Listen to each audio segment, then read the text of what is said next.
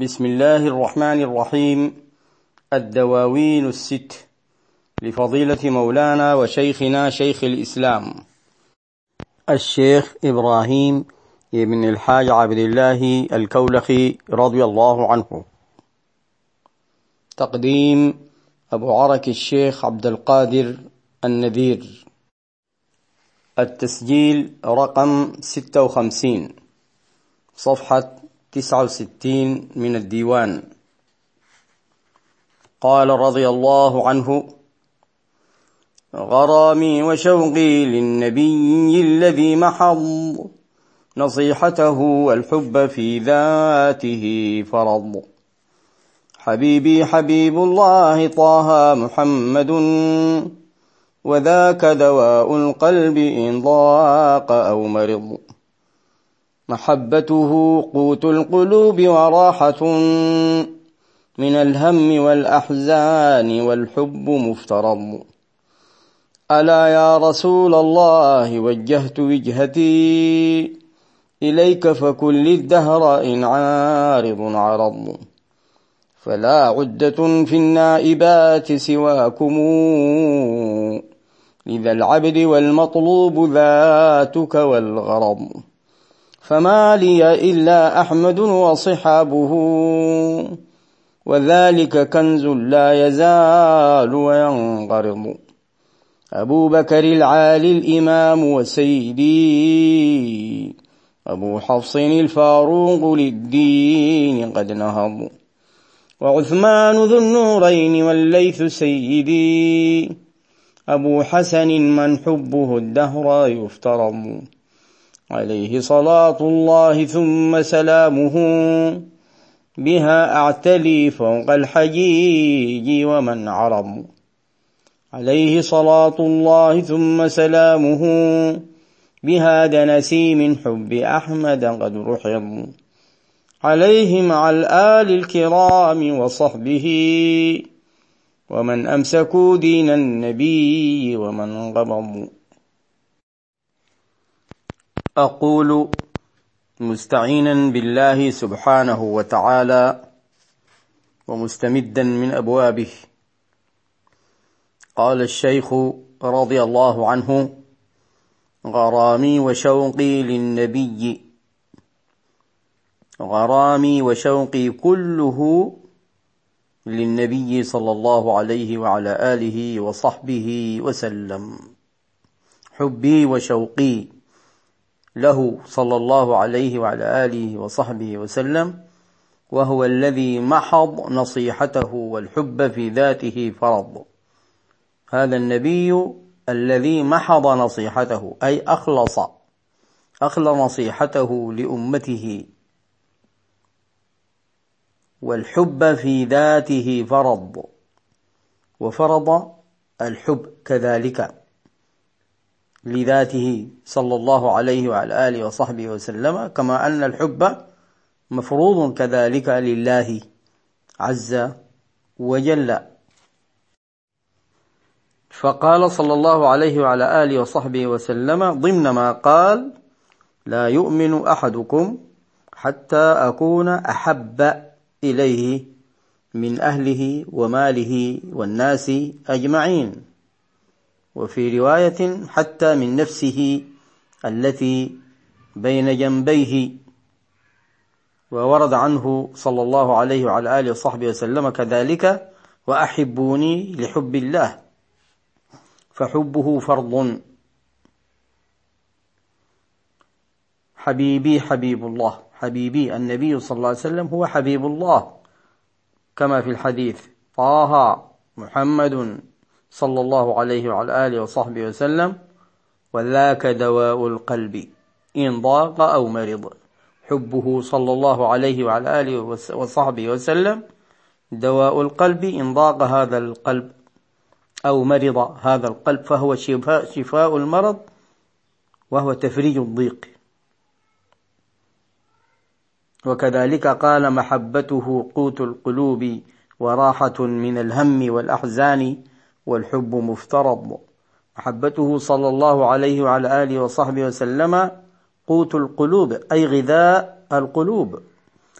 وراحة من الهم والغم ومن الأحزان. والحال أن الحب مفترض. حب النبي صلى الله عليه وعلى آله وصحبه وسلم. ألا يا رسول الله وجهت وجهتي إليك. يخاطب النبي صلى الله عليه وعلى آله وصحبه وسلم ويقول له وجهت وجهتي إليك أنا اتجهت إليك متوسلا بك فكن لي الدهر كن لي طول الوقت وطول الزمن إن عارض عرض إن عرض عارض آه، من الأذى أو البلاء ومن الضر كان حسيا أو كان معنويا كلي. الصحابة رضي الله تعالى عنهم آه، كذلك كانوا يتوجهون إليه صلى الله عليه وعلى آله وصحبه وسلم في كثير من ملماتهم. وعندنا في السيرة النبوية الصحيحة أن آه، عمرو بن سالم الخزاعي استنجد بالنبي صلى الله عليه وعلى آله وصحبه وسلم من مكان بعيد وقال رجزا من ضمن هذا الرجز يا رب إني ناشد محمدا حلف أبينا وأبيه الأتلدا إن قريشا أخلفوك الموعدا ونقضوا ميثاقك المؤكدا هم بيتونا بالوتير هجدا وقتلون وقتلونا ركعا وسجدا. فانصر هداك الله نصرا أرشدا. وأن النبي صلى الله عليه وعلى آله وصحبه وسلم قال له نصرت يا عمرو ابن سالم. نصرت يا عمرو بن سالم. فهذه القصة ورد في السيرة الحلبية أنه قبل قدوم عمرو بن سالم على رسول الله صلى الله عليه وعلى آله وصحبه وسلم وإعلامه بذلك حدثت السيدة عائشة رضي الله عنها أن رسول الله صلى الله عليه وسلم صبيحة الوقعة قال لها لقد حدث في خزاعة حدث قالت فقلت يا رسول الله أترى قريشا يجترئون على نقض العهد الذي بينك وبينهم؟ فقال ينقضون العهد لأمر يريده الله فقلت خير؟ قال خير وفي لفظ قالت لخير أو لشر قال لخير. وطبعا الخير بعد ذلك كانت هذه الحادثة سببا لفتح مكة وانتشار الإسلام. وعن ميمونة أم المؤمنين رضي الله عنها أن رسول الله صلى الله عليه وسلم بات عندها ليلة فقام ليتوضأ للصلاة. قالت فسمعته يقول لبيك لبيك لبيك ثلاثا. نصرت نصرت نصرت. ثلاثا. فلما خرج قلت يا رسول الله سمعتك تقول لبيك لبيك لبيك. ثلاثا. نصرت نصرت نصرت. ثلاثا. كأنك تكلم إنسانا. فهل كان معك أحد؟ قال هذا راجز بني كعب. يعني خزاعة يزعم أن قريشا أعانت عليهم بكر بن وائل أي بطنا منهم وهم بنو نفاثة قالت ميمونة فأقمنا ثلاثا أي ثلاثة أيام. ثم صلى الله عليه وسلم الصبح. ثم صلى النبي صلى الله عليه وسلم الصبح. فسمعت الراجز يقول يا رب إني ناشد محمدا إلى آخر ما تقدم. يعني بعد ثلاث جاء وقال نفس وقال هذه الأبيات وكان النبي صلى الله عليه وسلم يرد عليه وهو حتى لم يأتي وكان في بداية أمره آه، قال هذه الأبيات وجاء وألقاها على النبي صلى الله عليه وسلم في المسجد بعد صلاة الصبح ولكن هذه الحادثة التي روتها السيدة ميمونة رضي الله تعالى عنها كان النبي صلى الله عليه وسلم يجيبه وهو لم يأتي حتى. إذا حتى لو قال الشيخ أو أي مسلم قال مثل هذا الكلام فلا يعتبر هذا الكلام نوع نوعا من الشرك كما يقول بعض الناس في نداء النبي صلى الله عليه وسلم لأن النبي صلى الله عليه وسلم حاضر عند الشخص يسمع ويجيب. ألا يا رسول الله وجهت وجهتي إليك فكل الدهر إن عارض عرض فلا عدة في النائبات سواكم لذا العبد. لا عد لا سلاح ولا استعداد في النائبات أي في المصائب والبلايا سواكم يا رسول الله لهذا العبد لذا العبد أي لهذا العبد. والمطلوب ذاتك والغرض المطلوب ذاتك والغرض ذاتك يا سيدي يا رسول الله. فما لي إلا أحمد وصحابه وذلك كنز لا يزال وينقرض. فما لي إلا أحمد وصحابه.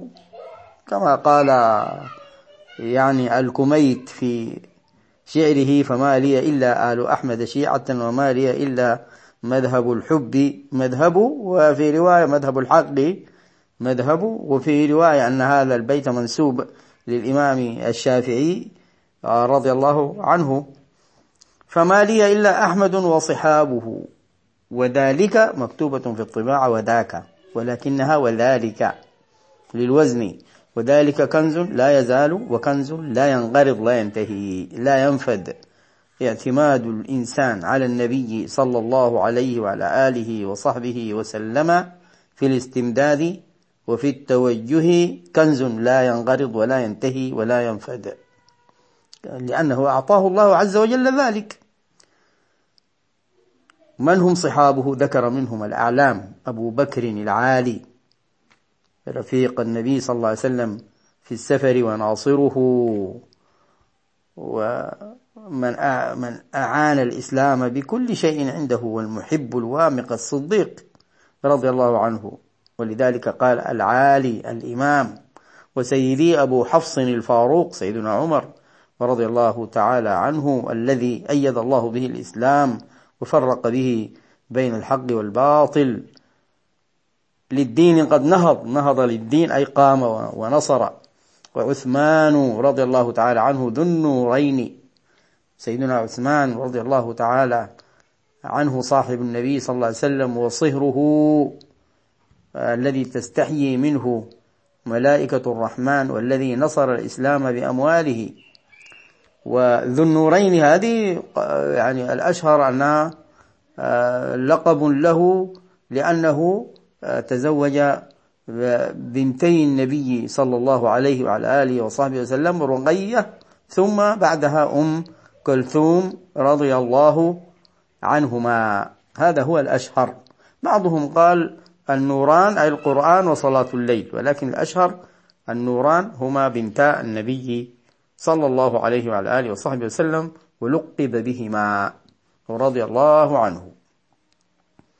ثم قال والليث سيدي الأسد سيدي أبو حسن سيدنا علي رضي الله تعالى عنه وكرم وجهه هو صنو النبي صلى الله عليه وسلم وابن عمه وأخوه. وزوج ابنته البتول وأبو السبطين وفحل الفحول. الذي حبه الدهر يفترض حبه فرض وهو نفسه رضي الله عنه قال كما في صحيح مسلم والذي فلق الحبة وبرأ النسمة أنه أو إنه لعهد النبي إلي أن لا يحبني إلا مؤمن ولا يبغضني إلا منافق. ثم قال رضي الله عنه عليه صلاة الله ثم سلامه بها أعتلي فوق الحيي ومن عرض بها يعني أسافر وأعتلي أماكن الحجيج فوق لأن يعني هو استخدم كلمة علوت وأعتلي هذه لهذا المعنى في في في بعض قصائده الأخرى. مثلا هناك يقول علوت القرى والمدن بلها الجبال وقال أيضا وعودا لبدء قد علوت بلاده وهكذا. بها أعتلي فوق الحجيج الحجاج يعني ومن عرض أي ومن سلك العروض حاجا أو معتمرا أو من ذهب إلى تلك العروض التي يحبها الشيخ رضي الله تعالى عنه لأنها جهة الحبيب صلى الله عليه وعلى آله وصحبه وسلم والعروض شبه الجزيرة العربية وهي الحجاز.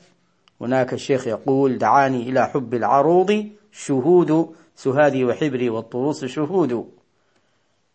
ثم قال رضي الله عنه عليه صلاة الله ثم سلامه بها دنسي من حب أحمد قد رحض أي هذه الصلاة بها رأران القلب بسبب حب أحمد قد رحض أي قد غسل. وحب النبي صلى الله عليه وسلم يغسل هذا الران وهذا الدنس الذي يكون في الإنسان وفي قلبه.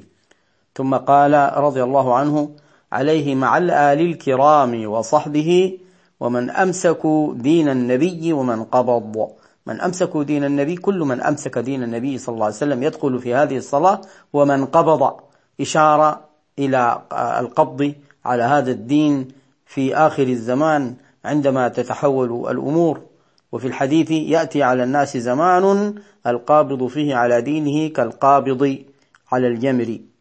والشيخ نفسه رضي الله تعالى عنه عبر عن هذا في بيت من أبيات إحدى قصائده فقال فيا رب فاسلك بي وحزبي صراطه ولو كان قبض الجمر في قفو نهجه صلى الله عليه وسلم.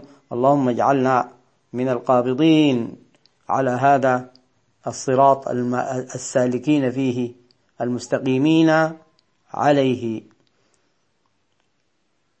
والله أعلم ونواصل إن شاء الله تعالى.